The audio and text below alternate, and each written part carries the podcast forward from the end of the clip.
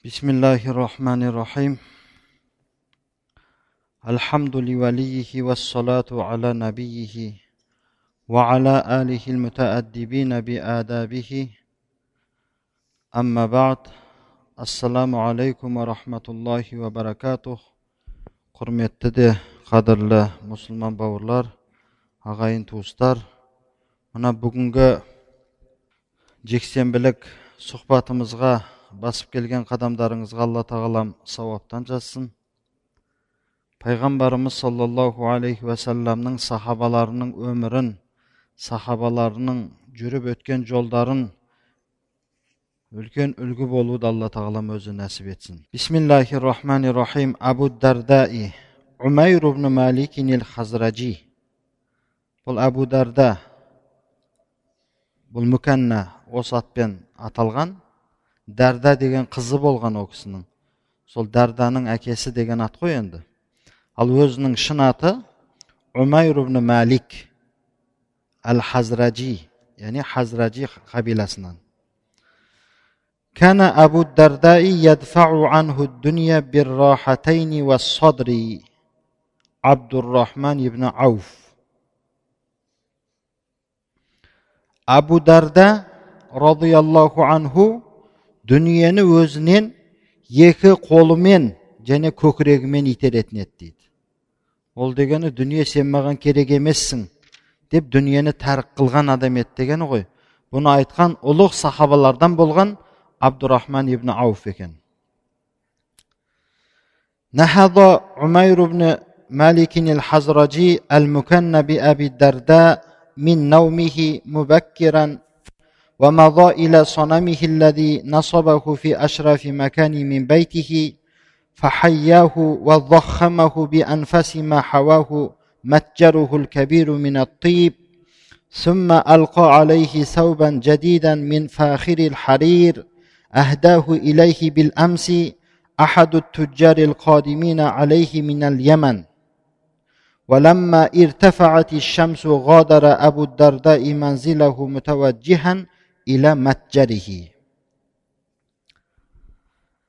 Умайр ибн Маликин ал Хазраджи Абу Дарда деп лақап атпен аталған Умайр ибн Маликин ал Хазраджи бүгінгі кейіпкеріміз, бүгінгі сахабамыз орнынан тұрып ұйқысынан ерте тұрып өзінің үйінің бір керемет құрметті жайына қойып қойған өзінің санамына бұтына қарай келді дейді демек бұл кісінің бұл сахабаның бірінші исламға дейінгі әлі мұсылман болмағанға дейінгі өмірімен бастап жатыр міне қиссаны орнынан тұрып ерте үйінің ең бір құрметті төріне дегені ғой енді ең бір құрметті орынға қойып қойған санамына келді оны оған жақсылап сәлем берді оны өзінің иіс су сататын дүкеніндегі үлкен иіс су сататын дүкені бар екен.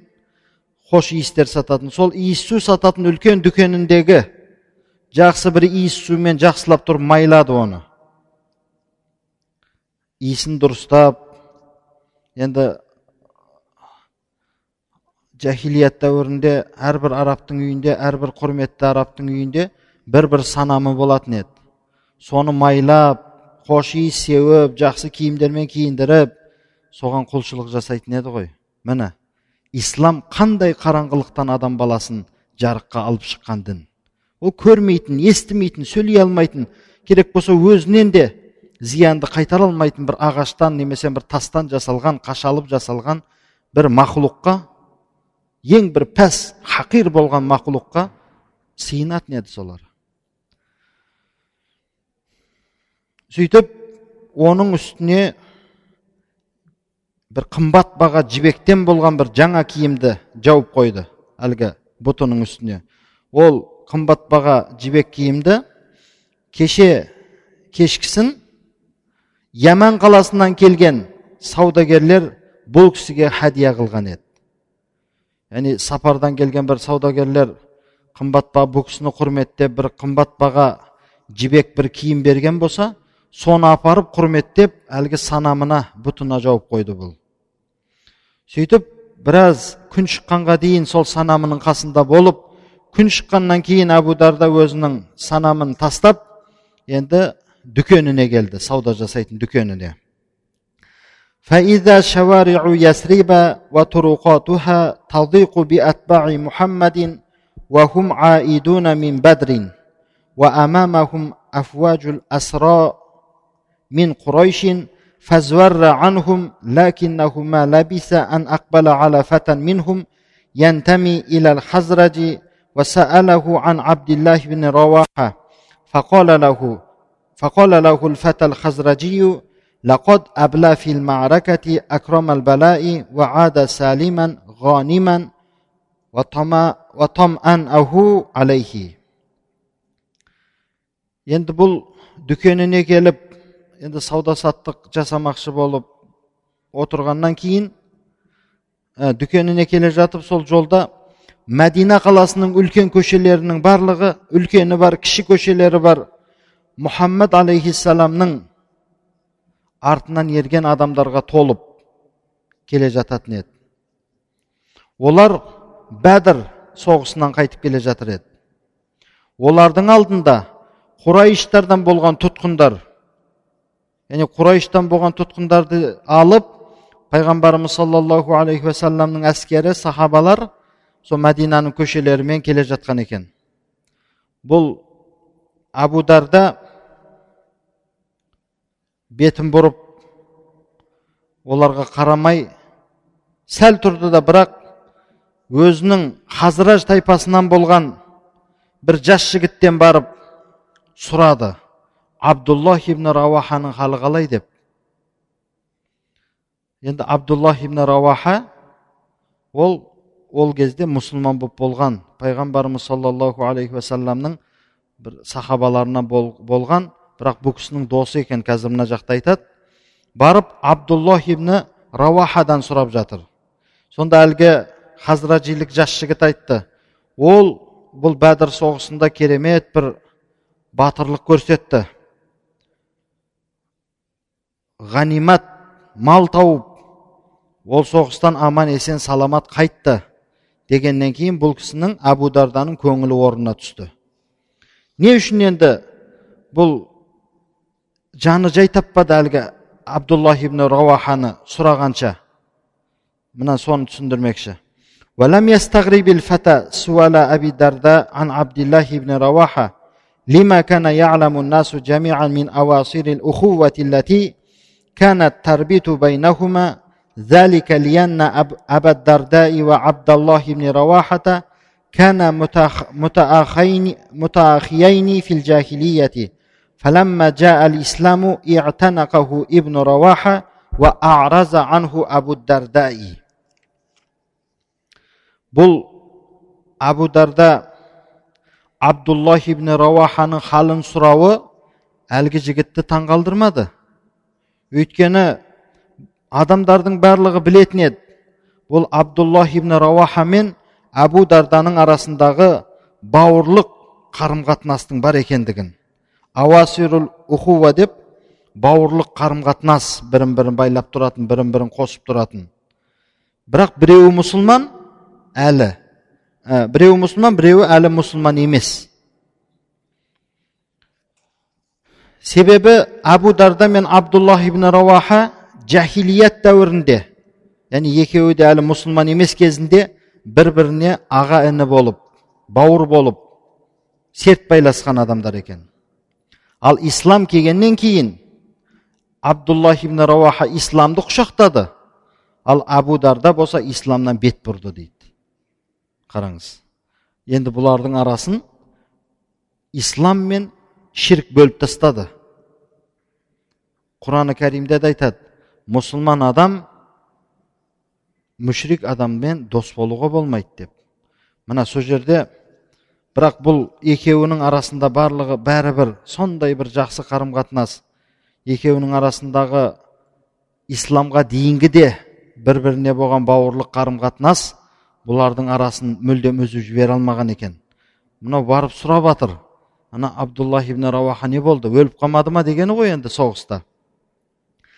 لكن ذلك لم يقطع ما بين الرجلين من وثيق الأواصير إذ ظل عبد الله بن رواحة يتعهد أبا الدرداء بالزيارة ويدعوه إلى الإسلام ويرغبه فيه ويأسف على كل يوم يمضي من عمره وهو مشرك міне исламның қандай бір асыл дін екенін қараңыз сөйте тұра бұл екі бауырдың арасындағы бауырлық қарым қатынас үзіліп кете қойған жоқ. Абдуллах ибн раваха өзінің досы абу дарда мұсылман болмаса да оны барып зиярат етіп тұруды өзінің мойнына алған еді. Сондағы мақсаты барып оны ислам дініне дағуат қылып шақыру оны ислам дініне қызықтыру. Өйткені бұл абдуллах ибн раваха өзінің досы болған әбу дарданың әрбір өтіп жатқан күніне өкінетін еді ол мүшрик болып өтіп жатқан күніне. Өзі мұсылман бірақ жахилияттағы досы әбу дарда мүшрик.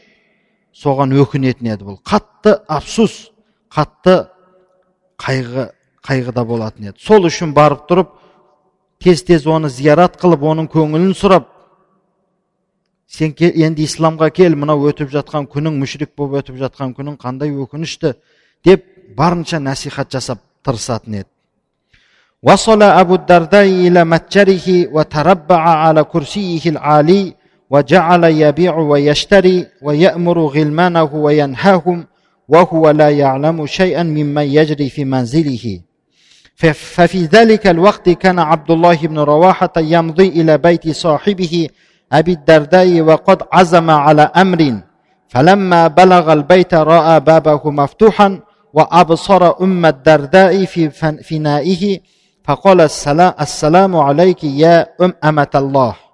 فقالت وعليك السلام يا أخ أبي الدرداء. فقال أين أبو الدرداء؟ فقالت ذهب إلى متجره ولا يلبس أن يعود. فقال أتأذنين؟ فقالت على الرحب والسعة وأفسحت له الطريق ومضت إلى حجرتها وانشغلت عنه بإصلاح شان بيتها ورعاية أطفالها енді абу дарда өзінің дүкеніне барып дүкеніндегі орындыққа молда соқым отырып жайғасып сауда саттығын жасауға кірісіп кетті енді өзінің қызметшілеріне бір нәрсеге бұйырады бір нәрседен қайтарады. Ол деген ананы қыл мынаны қыл деп отырады. Бірақ оның үйінде не болып жатқанынан бұл енді бейхабар дейді. Досы енді бір ойлағаны бар екен да досының абдуллах ибн раваханың а сол уақытта енді абу дарда дүкенінде сауда саттық жасап отырған уақытта абдуллах ибн раваха әлгі мұсылман досы оның үйіне келді өзінің досының үйіне келіп қараса есік ашық тұр екен анау үйінің шетінде ауласының шетінде жүрген үммі дарданы көрді яғни әйелін көрді сөйтіп сәлем берді ей алланың құлы сәлем болсын саған деп содан ол әбу дарданың әйелі де ассаламу алейка я аха әби дарда деп ей менің күйеуімнің досы бауыры абу дарданың досы саған да сәлем болсын деп сәлем қайтарды. Кейін абдуллах ибн рауаха сұрап жатыр ерің қайда абу дарда деп. Сөйтсе әйел айтады ол анау дүкеніне кетіп еді бірақ келіп қалар дейді. Аздан соң келіп қалар дейді сонда енді абдуллах ибн рауаха маған үйге кіруге рұқсат бересің ба дейді.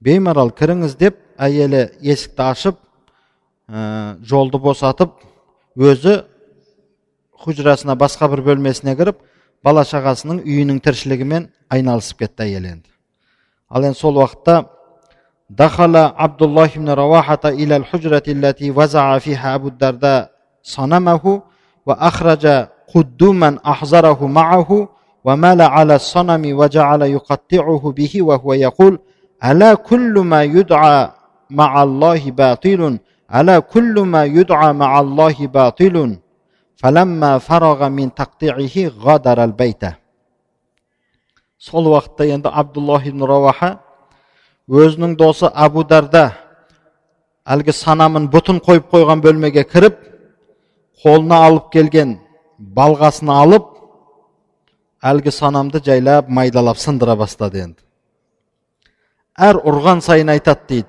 Әла ей алла тағаламен қосылып ғибадатта шерік болған әрбір нәрсе батыл ол дұрыс емес деп ананы жайлап талқандап сындыратын еді әлгі. Бұтты. Сөйтіп асықпай бұтын жақсылап парша паршасын шығарып сындырып бөлек бөлек етіп ол үйді тастап шығып кетті енді. Досы жоқ кезде барып енді досы болса енді алдына тұрып алып есігінің сындырмаймын тиіскізбеймін бұтыма деуі мүмкін ғой сол кезді бұл біліп барып солай бір үлкен бір жақсы іс жасап кетті دخلت أم الدرداء إلى الحجرة التي فيها الصنم فصعقت حين رأته قد غدا أجزازا ووجدت أشلاءه مبعثرة مبعثرة على الأرض وجعلت تلتم خديها وهي تقول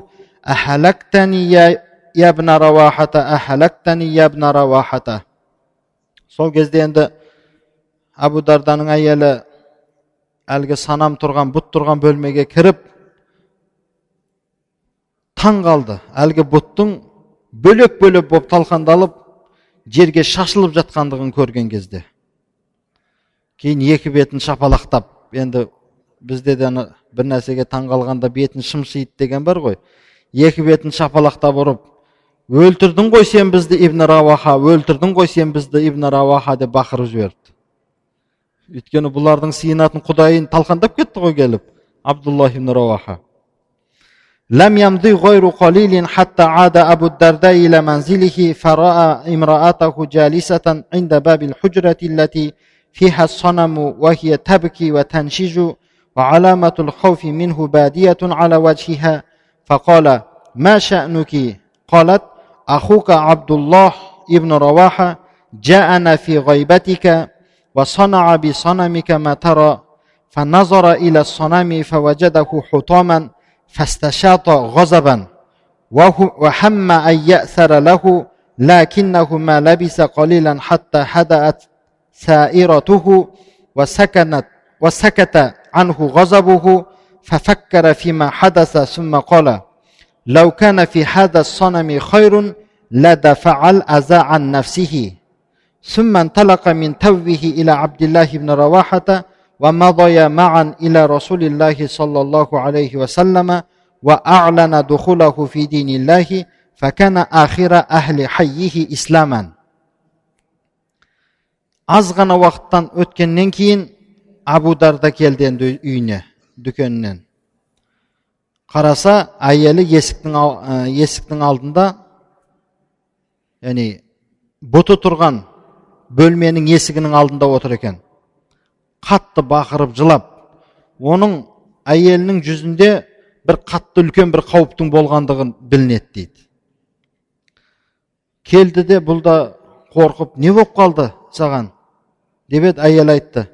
Ана сенің бауырың абдуллах ибн рауаха сен жоқ кезде келіп көрмейсің ба мына санамыңа не істеп кетті мына бұтыңа тасталғанын шығарып қолын қол аяғын аяқ қылып талқандап кетті дейді шынында қараса бөлмеге кіріп бұты майда майда болып бөлініп қалған жерде жатқанын көрді абу дарда өзі күніге оны майлап иіс су жағып үстіне жібек киімдерді жауып жүрген құрметті бұт еді ғой енді ол. Қараса жерде талқандалып бөлек бөлек болып майда майда болып жатқанын көрді.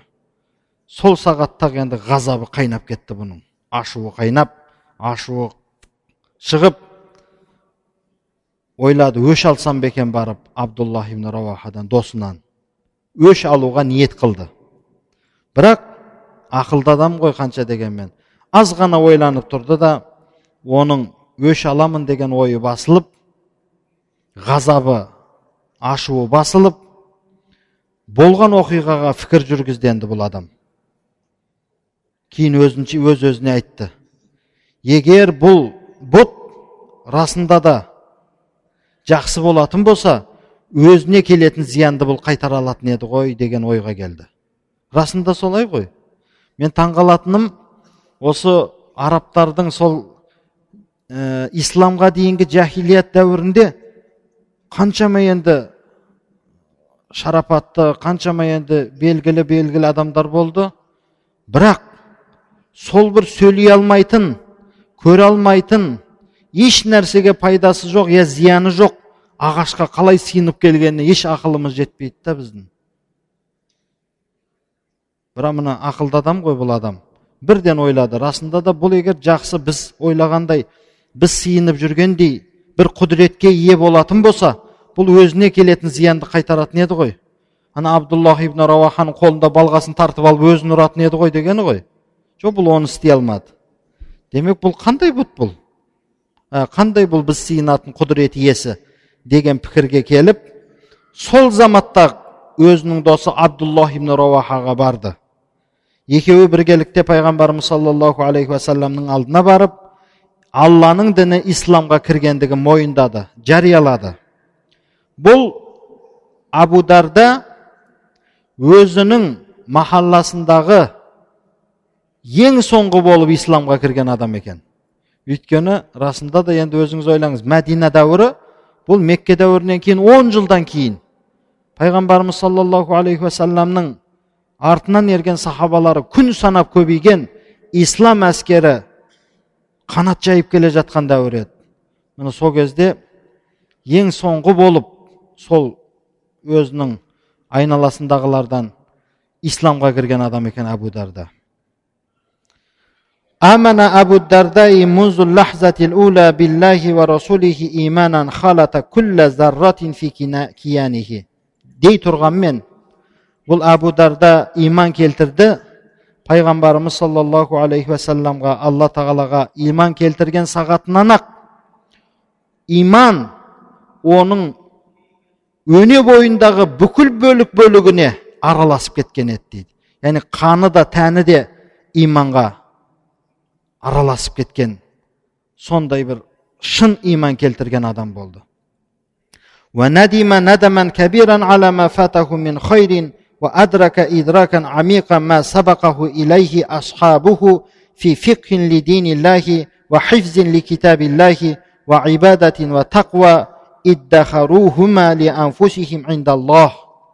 ал бұл абу дарда өзінің ислам дініне кіріп алдын ала бұдан алдын ислам дініне кіріп исламнан терең ілім үйренген алланың кітабы құранды жаттаған тақуа мен ғибадаттарды алланың алдында өз нәпсілері үшін жинаған өзінің сахабалары тапқан нәрсеге және өзінде таба алмай қалған жақсылықтарға қатты өкінді. Әй, мен де солар сияқты ертерек дінге кіргенімде ғой. Мен де солар сияқты алланың дінін үйренгенімде ғой. Мен де солар сияқты тақуа мен ғибадатты құранды бойыма жинағанда ғой деп өкінді. Демек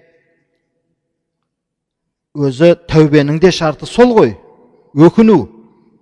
Бұл жерде енді ширк деген кешірілмейтін күнәдан бұл кісі арылып иман деген үлкен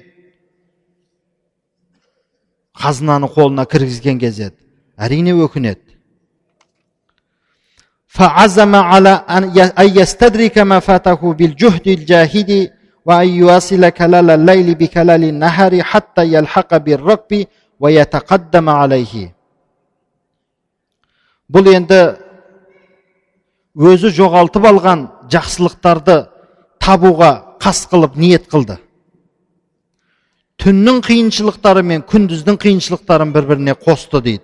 Ол дегені күндіз түні нәпсісін қинап құлшылық ғибадатқа шын жан тәнімен берілді. Өзінен алдын өтіп кеткен керуенге ертерек барып қосылып алуға ниет жасады дейді. Яғни жүгіріп бара жатқан адамдарды көз алдыңызға елестетіңіз. Артында қалып бара жатқан адам бұдан әлдеқайда озып кеткен адамға жетіп алсам деп барын салады ғой.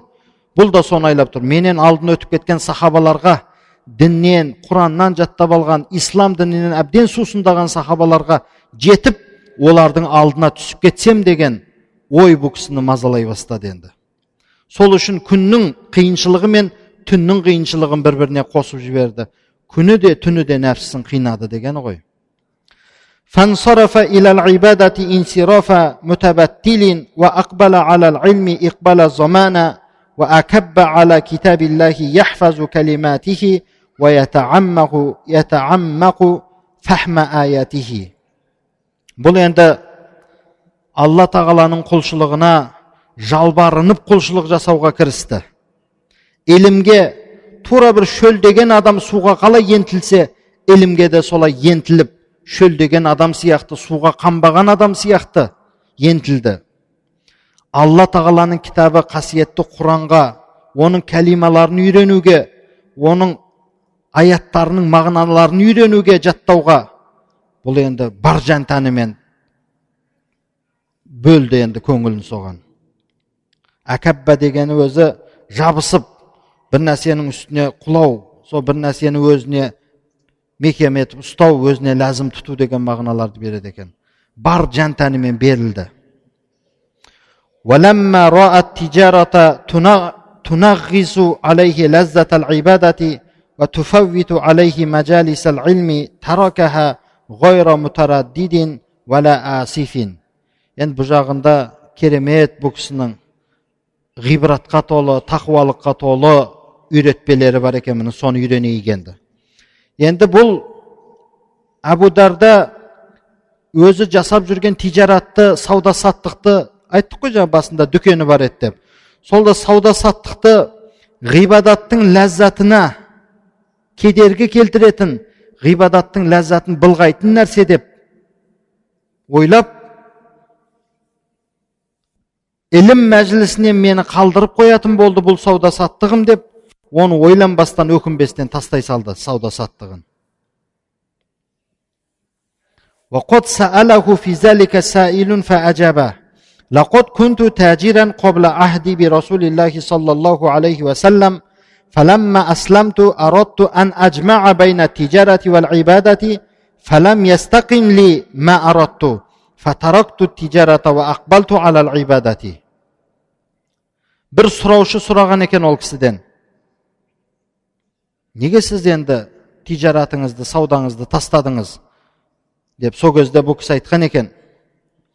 Мен пайғамбарымыз саллаллаху алейхи уассаламның заманына дейін ол дегені исламға кіргеніме дейін саудагер болдым.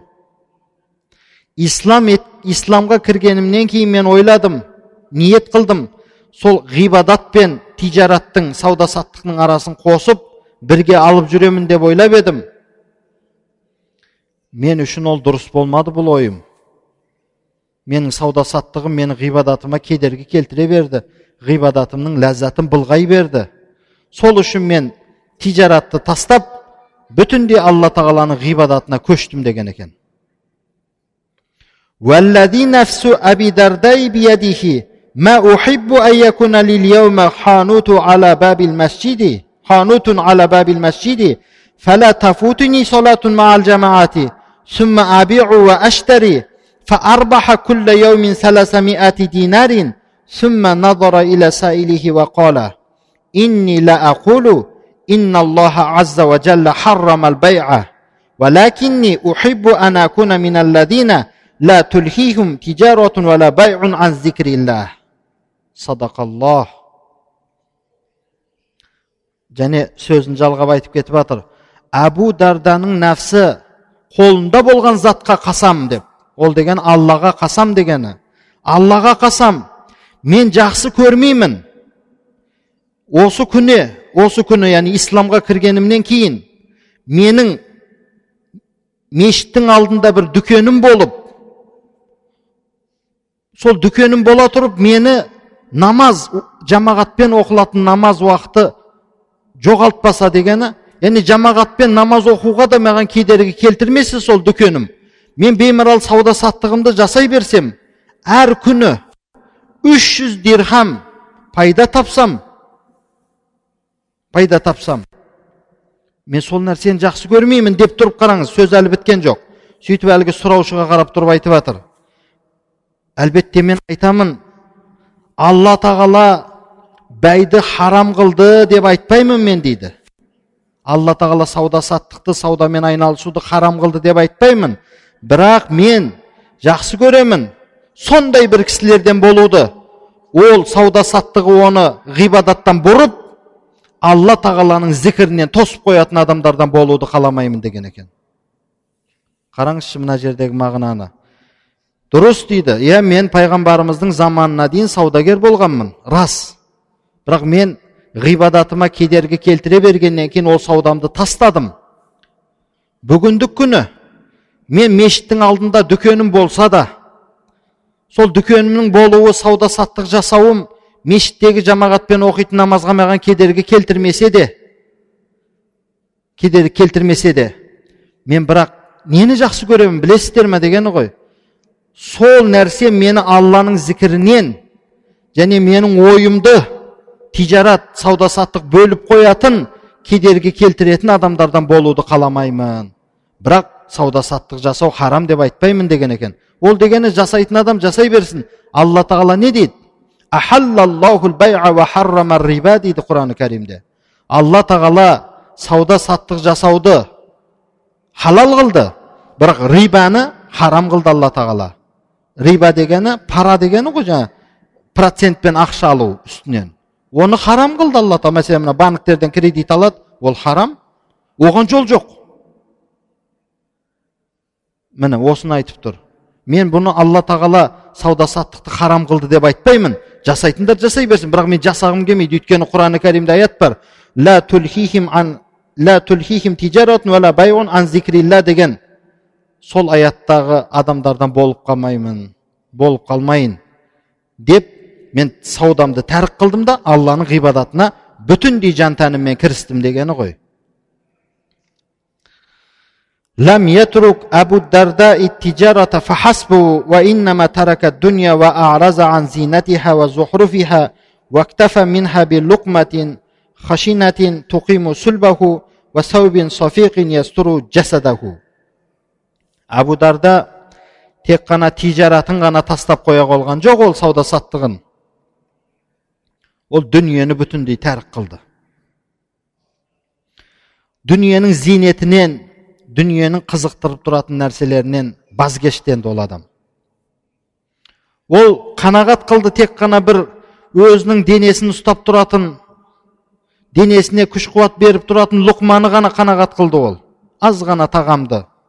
Және өзінің жасадын аурот жерін бекітіп тұратын киімді киюмен ғана ауыр сондай бір дөрекі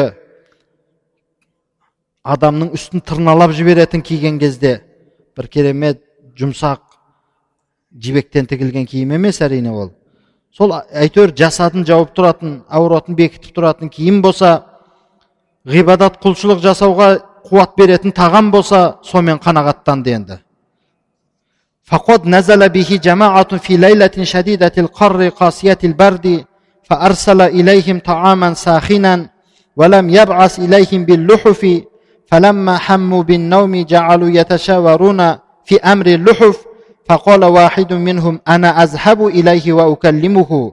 فقال له آخر دعه فأبى ومضى حتى وقف على باب حجرته فرآه قد استجع وامرأته جالسة قريبا منه ليس عليها وعليه إلا ثوب خفيف لا يقي من حر ولا يصون من برد فقال الرجل لأبي الدرداء ما أراك بت إلا كما نبيت نحن أين متاعكم فقال لنا دار هناك نرسل إليها تباعا كل ما نحصل عليه من متاع ولو كنا استبقينا في هذه الدار شيئا منه لبعثنا به إليكم mына сөздерді қараңызшы бір күні суық бір түнде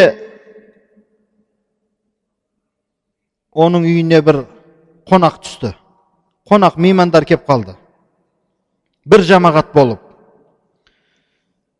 абударда оларға бір ыстық тағам жіберді жолдан келгеннен кейін қарындарын тойдыру үшін бір тағам жіберді ыстық бірақ оларға жатқанда жабынатын жабыншықтар жібермеді үстеріне жауып жататын енді олар тамақ ішіп болғаннан кейін ұйқыға жатайын деп тұрып өзара е бізге жапқыш келмеді ғой енді біз жаурап тоңып қалатын болдық қой деген сөзді айтыса бастады сол кезде олардан әлі қонақтардан бірі тұрып мен қазір барып онымен сөйлесіп келейін неге жапқыш бермеді екен бізге деді сонда басқа біреу айтты ей тек қойғын енді ұйықтап қалған шығар ол десе жоқ деп бұлардың тілін алмай әлгі біреу оның бөлмесінің есігінің алдына барып қараса бұл жатып қалған екен абударда. Қасында әйелі отыр. Әйел жатпаған қасында отыр абударда жатып қалған. Абударданың да үстінде әйелінің де үстінде ешқандай жабатын киім жоқ. Жеңіл ғана бір мата ол ыстықтан да я суықтан да бұларды сақтап қала алмайды. Соны көріп тұрып әлгі кісі ұялып тұрып әбу дардаға қарап айтып жатыр. Мен қарасам сізге біз қалай жатсақ сіз де солай жатырсыз ғой. Қайда сіздердің мал дүниеңіз көрпе төсектеріңіз қайда? Бізге бір мата жаңа үстімізге жабынатын көрпе жібермеді деп келіп едік сізге. Қарасақ біз қалай болсақ сіздерде де жабылатын көрпе жоқ екен ғой. Қайда сіздердің мал дүниелеріңіз? десе абу дарда айтқан екен сол кезде. Біздің орнымыз ана жақта деп. Лана дарун хунака дегені біздің орнымыз ана жақта. Біз бұл дүниеде жинаған маталарымызды сол жаққа қарай жіберіп қоямыз деген екен. Матадан мақсат сауап амалдарымызды дегені ғой. Егер біз осы қазір тұрып жатқан мекенімізге сол жинаған мал дүниемізден бір нәрсе қалдырған болсақ сіздерге жіберетін едік қой дейді ол дегені мен бұл дүниеде ештеңе жинамаймын жоқ менде еш нәрсе мен жинағанымның бәрін арғы дүниеге жіберіп жатырмын дүниеден ақыретті таңдадым мен дүниеден ақыретті үстін қойдым деген жауапты берді деп тұрып ثم إن في طريقنا الذي سنسلكه إلى تلك الدار عقبة كؤودا المخف فيها خير من المثقل فأردنا أن نتخفف من أثقالنا علنا نجتاز кейін тағы да сөзін жалғап біле білсек әлбетте біздің ана дүниеге баратын жолымыз ол жолда биік биік төбешіктер көп өзі шығу керек оған ал жүгін жеңілдетіп алған адам үстінде жүгі көп адамнан гөрі жақсырақ қой сол үшін мен жүгімді жеңілдетіп алуды қаладым тезірек жақсырақ жетейін деп дейді қараңыз мына мағынаны ол ана дүниеге баратын жол ол оңай жол емес төбелер бар неше түрлі машақатты қиын жүгі жеңіл адам төбеге жеңіл шығады ғой жүгі ауыр адамнан үстіне жүк толтырылған адамнан гөрі сол үшін мен жүгімді жеңілдеткен себебім мүмкін мен жеңіл өтіп кетемін ба деп ойлап тұрмын деп қандай бір астарлы сөзбен насихат жасап жатыр. Мұхиф деп өзі қалауымен жеңілдетіп алған адам. Ал мұсқал деп оның үстіне жүк артылған адам. Әбден күнәға батқан. Төбеге шығу былай тұрсын тегіс жолда жүре алмай қалатын халде болатын болса сол үшін бізде бұл дүниеде лажы барынша Илім оқып сауапты амалдарды арғы дүниеге жіберіп отыратын болсақ біздің де жүретін жолымыз жеңіл болады бір ғана жеңіл жүгімізді алып қалған жүгіміздің бәрін жіберіп қойғанбыз үлкен бір самолетпен ба бір нәрсемен жіберіп қояды ғой өзі көтеріп жүре алмайтын жүгін сол сияқты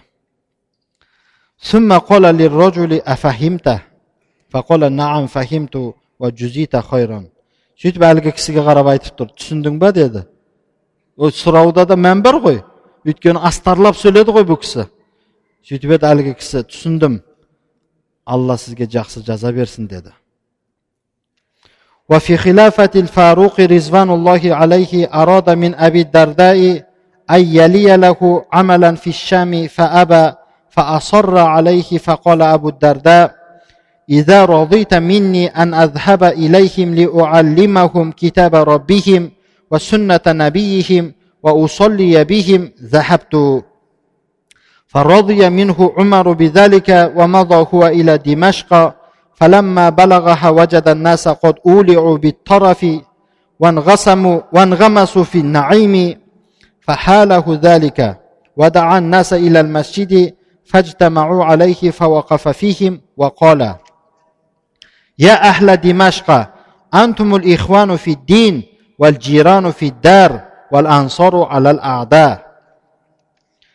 хазіреті омар розиаллаху анхудың омарул umar халифалық дәуірінде енді хазіреті омар абу дардаға шам қаласындағы әкім болуды ұсынды бұл абу дарда бас тартты әкім болудан хазіреті омар мекем тұрып алды енді жоқ сен қалайда әкім болып бересің маған деп сонда абу дарда айтқан екен егер разы болсаңыз менен мен оларға барайын шамға. Оларға алланың кітабы раббыларының кітабы құранды үйрету үшін пайғамбарымыздың сүннатын үйрету үшін және олармен намаз оқу үшін жіберсеңіз барайын. Соған разы болыңыз деп хазірет омардан рұқсат сұрады. Кейін хазірет омар разы болды. Абу дарда димаш қаласына барды шамдағы. Жеткен кезде қараса адамдардың барлығы тоқшылыққа берілген. Дүниенің нығметтеріне әбден сүңгіп кеткен. Ғибадат жоқ құлшылық жоқ. Әбден тойып не дейді ана көйлегі көк қарны тоқ қайғы жоқ. Сондай кезде көрді адамдарды. Бұл енді қорқытты ол кісіні. Сондай тақуадар ғибадаткөй адам кеп қараса бір мешіттен адам базарға барып қалғандай ғой енді қысқасы. Мешітке кірсеңіз қандай адамның көңілі жай табады? Қарасаңыз адамдар кітап оқып отыр қарасаңыз біреу намаз оқып жатыр базарға барып қалсаңыз бірде оның белгісі жоқ қой. Ұрыс талас айқай шу біреуді біреу алдаған біреуді біреу боқтаған сондай жерге барып қалғандай болды. Соған қорқып бұл кісі адамдарды мешітке шақырды енді. Адамдар бұның айналасына жиналғаннан кейін мешітке келіп олардың ортасында тұрып айтқан екен ей димашқ әхлі ей димашқ адамдары сендер дінде бауырсыңдар. Мына тұрып жатқан мекендеріңде бір біріңе көршісіңдер. Алланың дұшпандарымен ұрыс соғыста бір біріңе жәрдем берушісіңдер сендер деп ары қарай сөзін жалғап кетіп жатыр. Я димашқа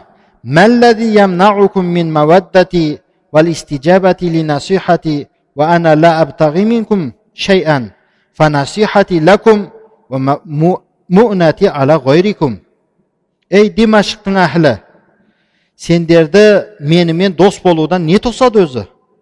Менімен дос болудан неге қашасыңдар? деп жатыр да енді менің сөзімді қабыл қылудан насихатымды қабыл қылудан сендерді не тосады өзі? Мен сендерден осы айтып жатқан насихатым үшін бір нәрсе талап қылмаймын. Маған пұл беріңдер бір ақы беріңдер демеймін. Менің насихатым сіздер үшін пайда. Ал менің ақым басқалар үшін ғой деп тұр. Ол дегені мен насихат айтқаным үшін бір ақы сұрамаймын. Менің әжірімді алла береді а қала дүниеде егер мен осы жерге бір әмирул мүмининнің бұйрығымен келген болсам мен сіздерден ақы сұрап келген жоқпын ғой деген мағына мәли ара уламаакум язхабун ва жухалакум ла ятаалламун ва аракум қад ақбалтум ала ма такаффала лакум такаффала лакум бихи аллаху азза ва жалла ва тарактум ма умиртум бихи أمرتم به ما لي أراكم تجمعون ما لا تأكلون وتبنون ما لا تسكنون қараңызшы мына сөздерді мен сіздерді көріп тұрғанымдай ғұламаларыңыз өліп кетіп жатыр ал надандарыңыз ілім оқиын демейді ілім оқымайды ол деген ей ана ғұламалар болса өліп кетіп жатыр е пайдаланып қалсаңдаршы қарасам ғұламаларың өліп кетіп жатыр. Жәһілдерің надандарың ілім үйренбейді. Мен қарасам сіздерге алла тағала өзі кепіл болған нәрсеге сіздер.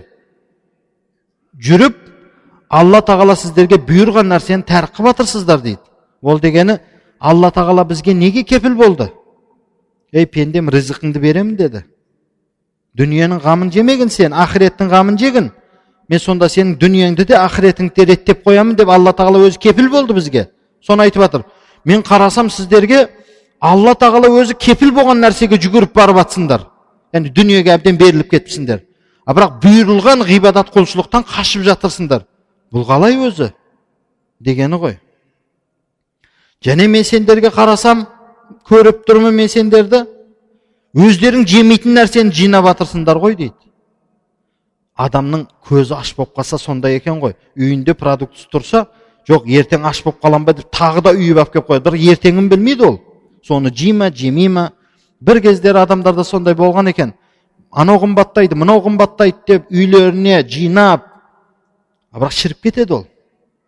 Шіріп кетеді. Және қарасам сендер өздерің тұрмайтын нәрсені құрып соғып жатсыңдар дейді. Ол дегені үлкен үлкен үйді соғып жатсыңдар е ода мәңгі тұрмайсыңдар ғой дегені ғой қарасам сендер жете алмайтын нәрсені армандап жатырсыңдар لقد جمعت الأقوام التي قبلكم وأملت أملت فما هو إلا قليل حتى أصبح جمعهم بورا وأملهم غرورا وبيوتهم قبورا сендерден алдыңғы өткен қауым да осылай жинайтындарын жинап еді жете алмайтын нәрселерін армандап еді бірақ олардың армандары жалғанға шықты олардың үйлері қабырға айналды هذه عاد يا أهل دمشق قد ملأت الأرض مالا وولدا فمن يشتري مني تركة عاد اليوم بدرهمين анау ад деп анау худ алейхисаламның қауымы өте үлкен сондай худ ай ад самуд деген қауымдар өткен жер бетін малға толтырған бай күштері көп. Сол қауымдарды айтып жатыр да ей димашқ әхлі анау өткен ат қауымын есің, естерің алыңдаршы олар жер бетін мал бала шағамен толтырған. Бізді алла тағаланың азабы ала алмайды. Біз ешкімге де бой бермейтін адамдармыз деген ат қауымы қайда қалды олар? Кәні сол ат қауымының артында тастап кеткен нәрсесін егер бір мирас қалдырып кеткен болса менен соны екі дирхамға сатып алатын адам бар ма деді. Екі дирхам деген ол бұл жерде ана әбден жерге ұрып айтып жатыр ғой. Е солардан егер бір мал дүние қап кеткен болса қараңдаршы бар ма өзі? Соны маған екі дирхамға сатып алатын адам бар ма іштеріңізде деді. Жоқ қалған жоқ ештеңе дегені ғой.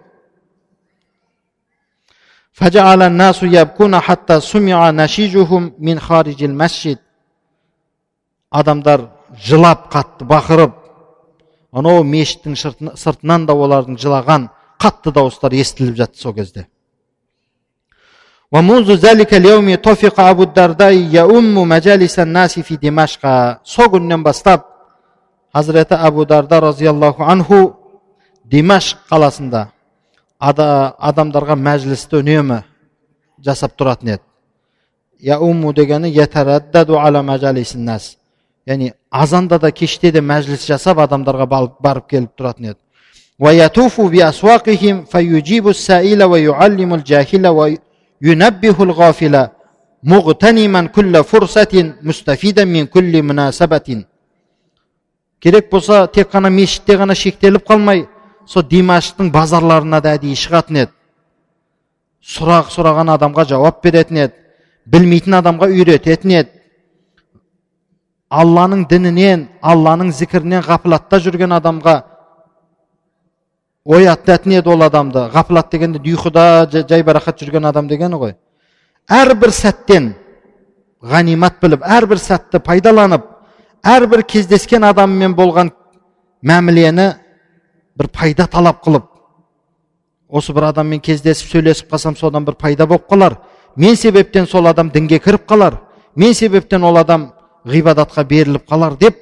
әрбір сәтін жақсы пайдалана білді сіздер мен біздер солаймыз ба біз қашамыз біреуге бізден бір нәрсе сұраса қарап тұрып қараңызшы солаймыз ба біз базарға шығу былай тұрсын мешітімізге келген адамдарға біздің имамдар біздің тәләбаларымыз біздің жамағатымыз бір нәрсе жауап беруге біз а? Бір сұрақ қойып көрейікші өзімізге кішкентай ғана. Кішкене өз нәпсімізбен өзіміз сөйлесіп көрейікші. Біз де осы адамдардың қасында адамбыз деп жер басып жүрміз. Біз де осы адамдар өткен дінді ұстанып жүрміз. Біз де осы адамдар тастап кеткен ля илаха иллалла деген кәлиманы айтып жүрген адамдармыз. يمر بجماعة قد تجمهروا تجمهروا على رجل وجعلوا يضربونه ويشتمونه فأقبل عليهم وقال ما الخبر؟ قالوا رجل وقع في ذنب كبير. قال أرأيتم لو وقع في بئر أفلم تكونوا تخرجونه منه؟ قالوا بلى. قال لا تسبوه ولا تضربوه. وإنما عزوه وبصروه واحمدوا الله الذي عافاكم من الوقوع في ذنبه قالوا أفلا تبغزه قال إنما أبغز فعله فإذا تركه فهو أخي فأخذ الرجل ينتحب ويعلن توبته мына қараңызшы мына сөздерді бір күні бір жамағаттың қасынан өтіп бара жатып абу дарда қараса әлгі жамағат жиналып алып бір адамды ұрып жатыр. Сөгіп ұрып боқтап теуіп жаңағы адамды. Олардың қасына барды да ей не болып қалды? Хабар беріңдер маған деп. Сөйтсе ана адамдар мынау адам бір күнә жасап қойған екен. Сол үшін ұрып жатырмыз бұны деді. Сонда абу дарда ей қалай ойлайсыңдар егер бір адам құдықтың ішіне түсіп кететін болса сендер оны шығарып аласыңдар ма сол құдықтан әлгі адамдар иә шығарып аламыз бір адам құдыққа түсіп кетсе. Олай болатын болса бұл адамды сөкпеңдер бұны ұрмаңдар. Оған сендер уағыз айтыңдар. Оның көзін ашыңдар. Аллаға сендер хамды санайтыңдар сол күнәға өздеріңді түсіріп қоймай. Сол күнәдан сендерді сақтап қойған алла тағалаға хамды сана айтыңдар бұл адамды ұрмаңдар деді. Ол дегені бір адам күнә жасап жататын болса оны сөгуден алдын сен оған бір насихат жасағын.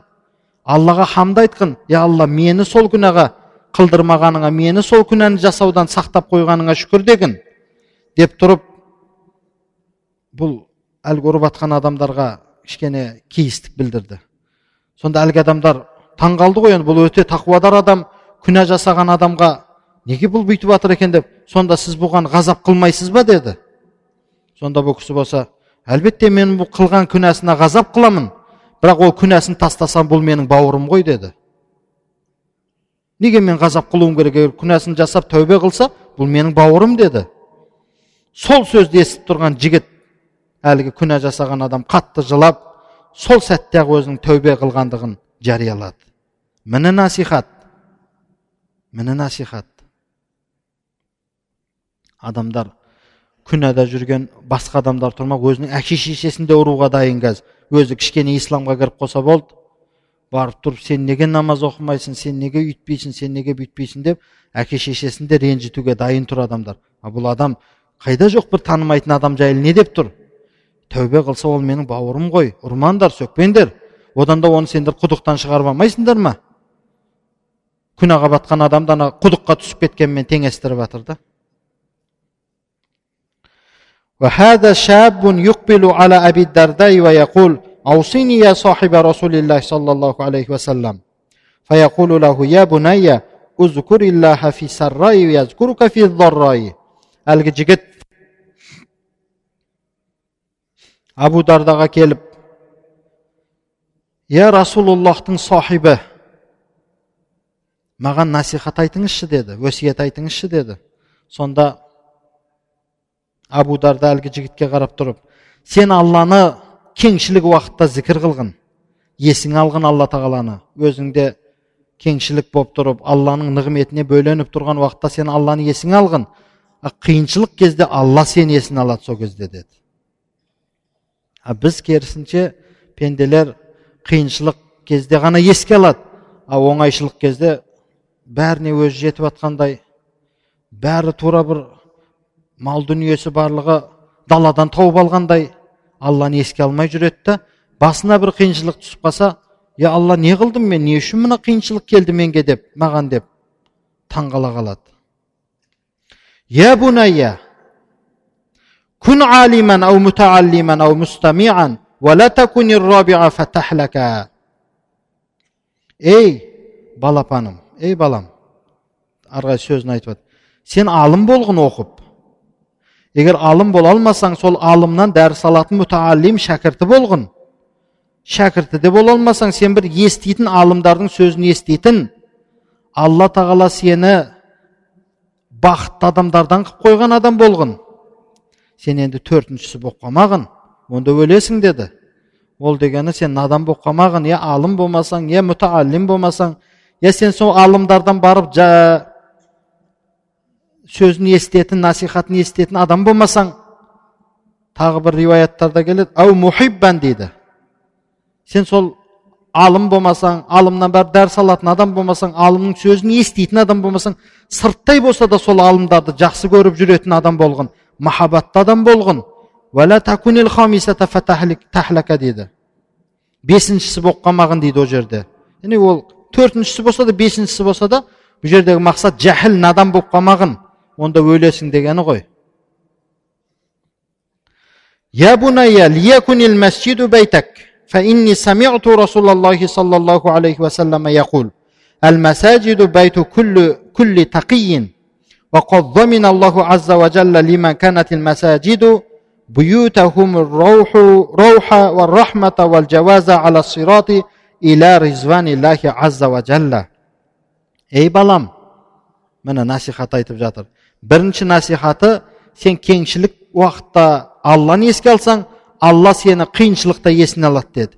Екінші насихаты әлгі айтқан алым бол мұтаалим бол алымдардың сөзін естетін бол төртіншісі надан болып қалмағын өлесің деп тұрып мына тағы да насихатын айтып жатыр. Ей балам сенің үйің мешіт болсын деді. Сенің үйің мешіт болсын деді.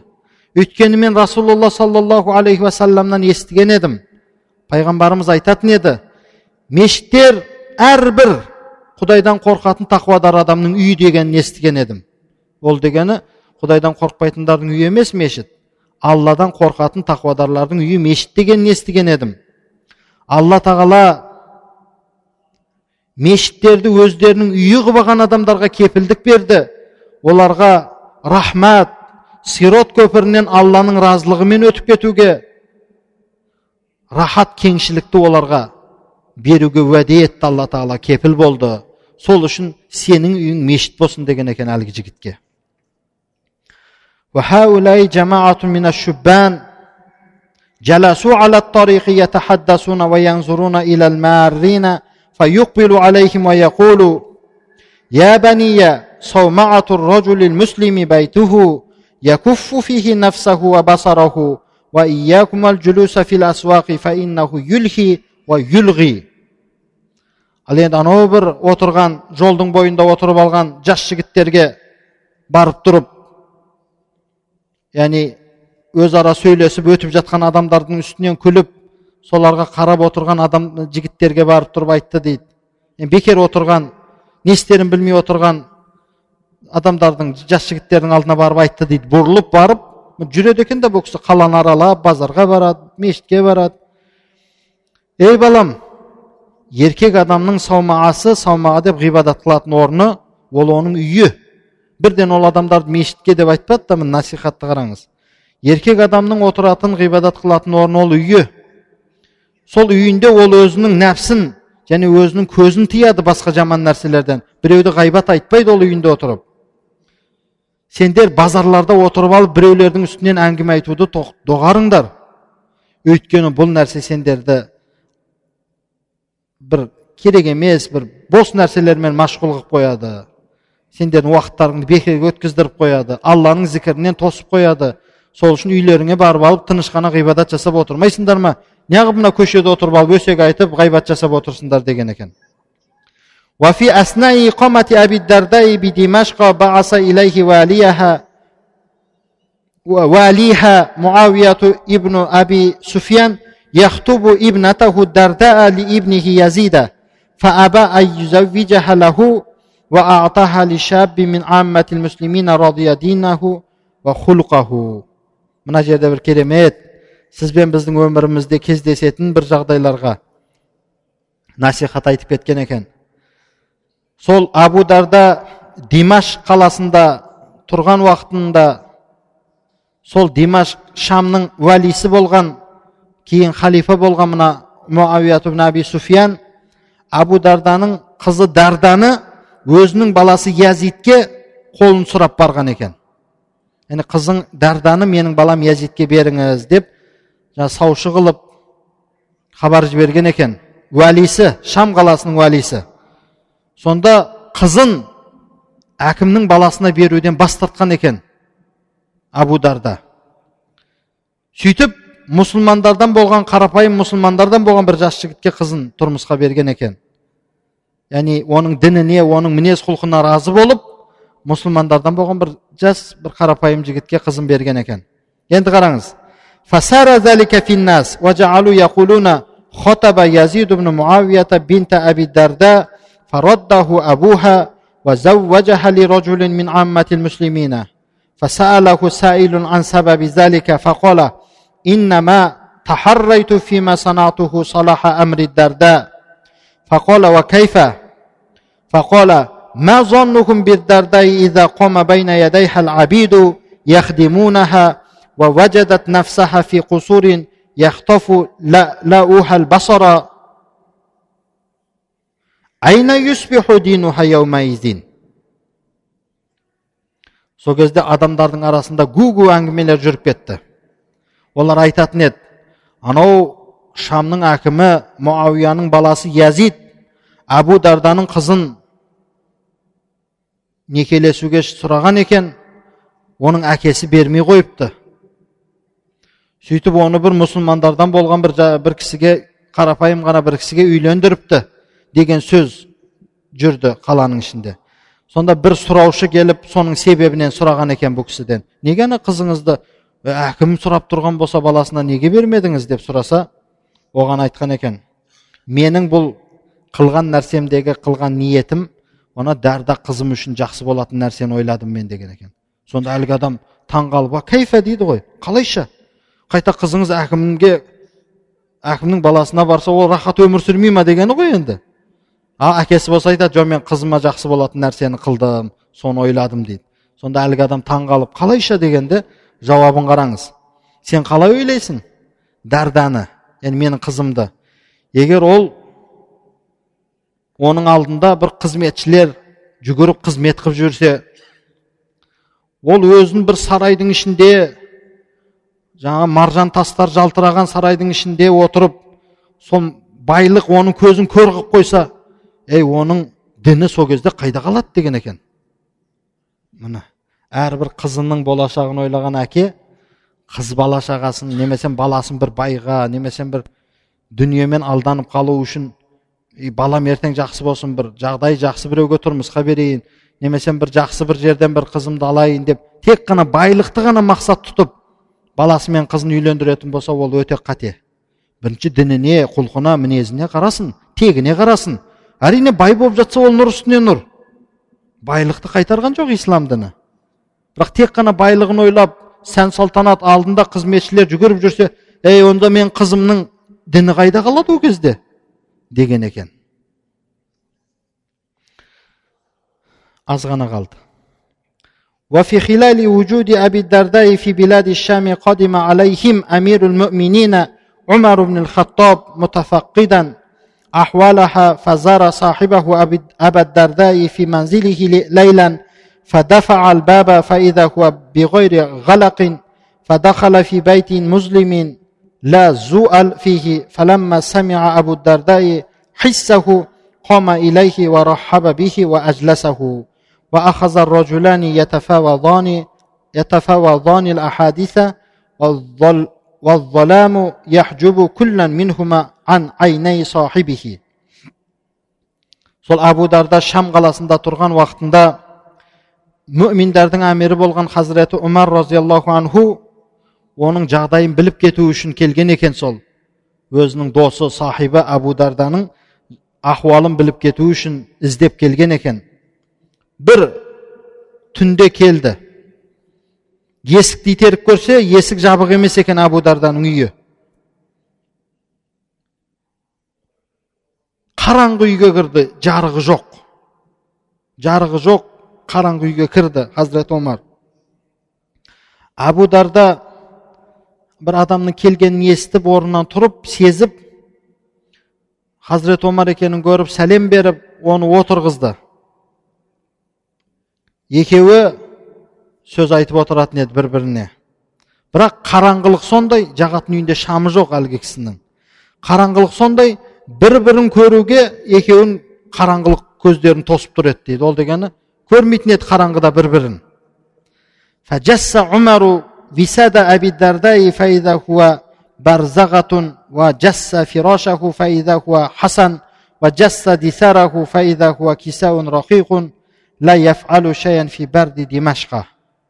сол кезде жайлап хазірет омар енді көрмейді ғой бір бірін абу дарданың отырған төсегін сипалап көрді дейді.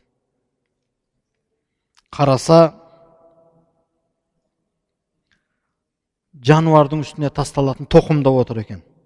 Қолын тырналап кеткен ғой. Мынау барзаға деп дейді. Мінетін көліктің үстіне төселетін нәрсе енді ол бізде тоқым ғой. Оның жатқан төсегін сипалап көрсе ол тас майда тастар жатқан жері. Оның үстіне жабынатын жабынғыш көрпесін сипалап көріп еді былай жұқа ғана бір мата ол.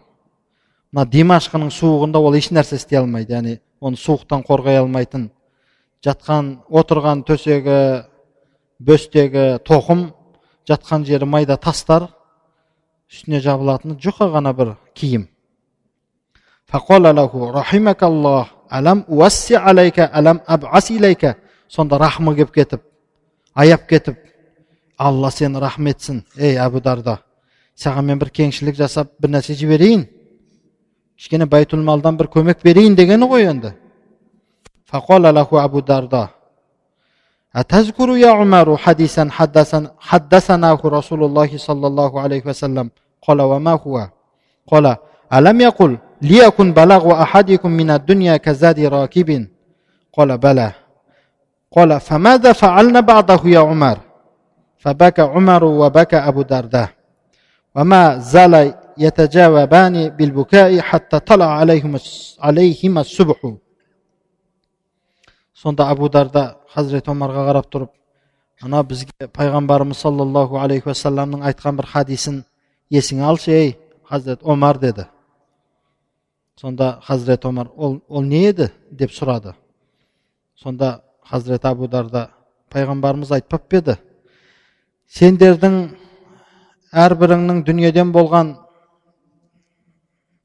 жететін нәрсесі ол тура анау жолаушы мүсәпірдің жүгіндей ғана болсын деген еді ғой пайғамбарымыз саллаллаху алейхи уассалам сендердің бұл дүниедегі әрбіріңнің жинаған мал дүниең жолаушының жүгіндей ғана болсын деп еді ғой.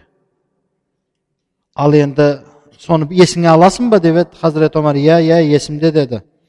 Сонда сұрақ қойды хазірет омарға. Ей омар пайғамбарымыздан кейін біз не істеп жібердік деді. Біз сол пайғамбарымыздың айтқанын істедік па біз? Хазірет омар бұл сөзге шыдай алмай қатты жылады. Расында да пайғамбарымыздан кейін адамдар дүниеге беріліп кетті пайғамбарымыз айтқандай сіздердің дүниедегі жинағандарыңыз көшіп бара жатқан керуеннің жүгіндей ғана болсын деген еді. Не істеп жердік біз е расулаллахтан кейін ей омар деді да. Сөйтіп екеуі тек қана бір біріне жылаумен ғана жауап беріп сөз қатысып отырды. Таң атқанға дейін дейді. Сөйлей алмайды алғада екеуі де. Золла абу дардай фи димашқа яғизу ахлаха ва юзаккирухум الكتاب والحكمة حتى أتاه اليقين хазіреті абу дарда сол димаш қаласында адамдарға насихат айтып оларға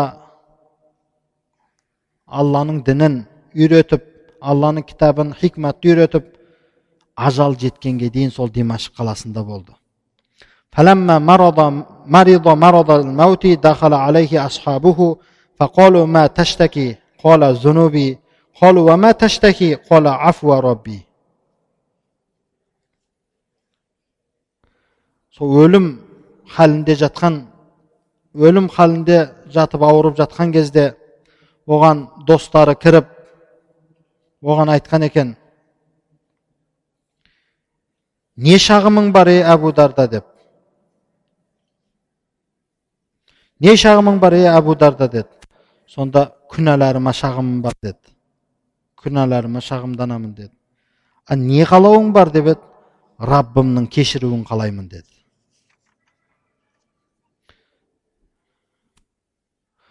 ثم قال لمن حوله لقنوني لا إله إلا الله محمد رسول الله فما زال يرددها حتى فارق الحياة кейін қасындағыларға айтты сендер маған ла илаха иллалла мұхаммад расулалла деген кәлиманы талқин қылып айтып тұрыңдар олар айтып тұрды сол кезде бұл кісі өмірмен қоштасты дейді ولما لحق أبو الدرداء بجوار ربه رأى عوف ابن مالك الأشعي فيما يراه النائم مرجا أحزر فسيح الأرجاء وارف الأفياء فيه قبة عظيمة من أدم حولها غنم رابضة لم ترى العين مثلها قط.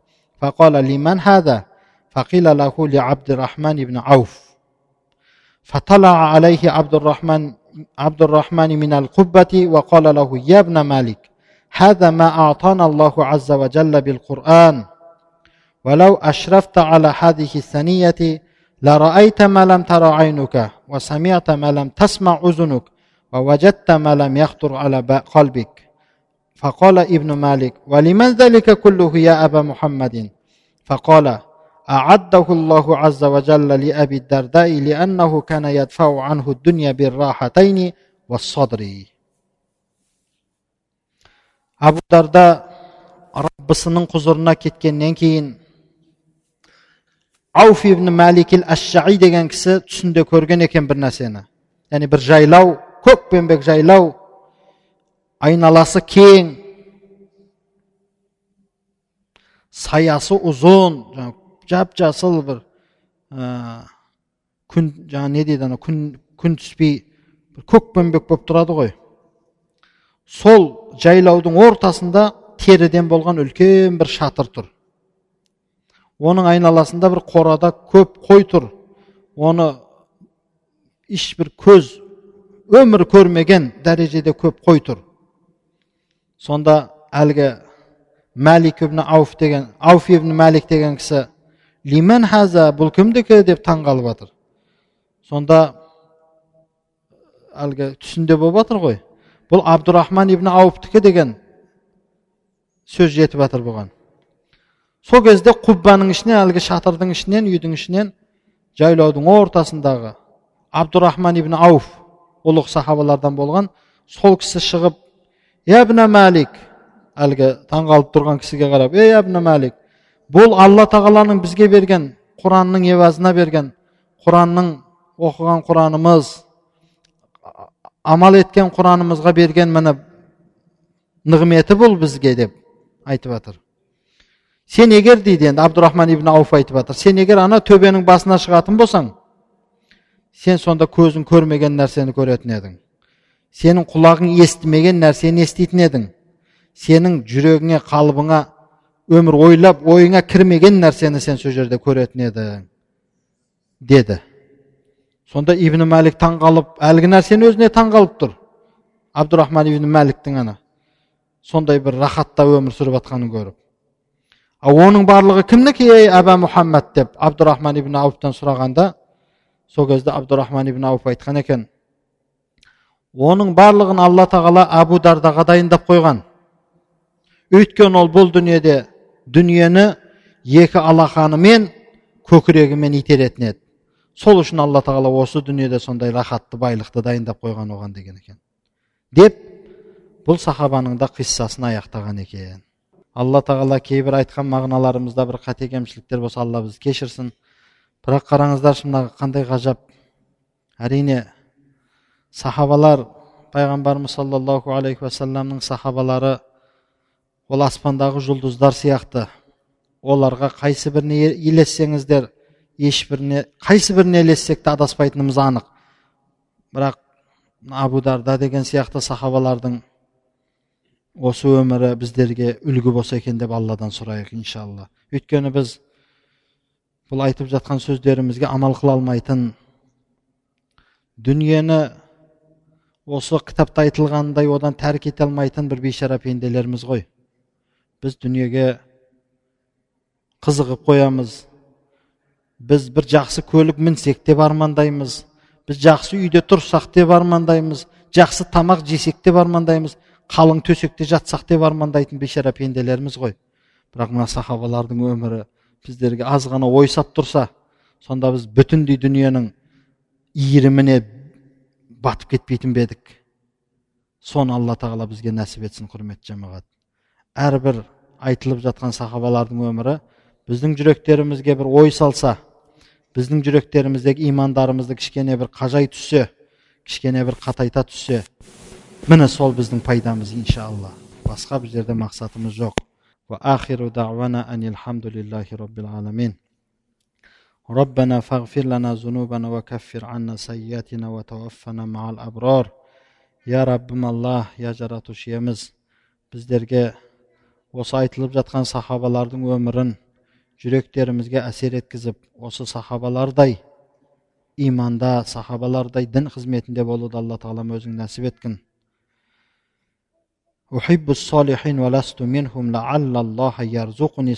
деген бар алланың сүйікті пенделерін жақсы көремін бірақ өзіміз олардан емеспіз. Кәне енді алла тағала да бізді сол үлкен бақытпен ризықтандырса бізге де соны алла нәсіп етсе деп дұға тілейміз.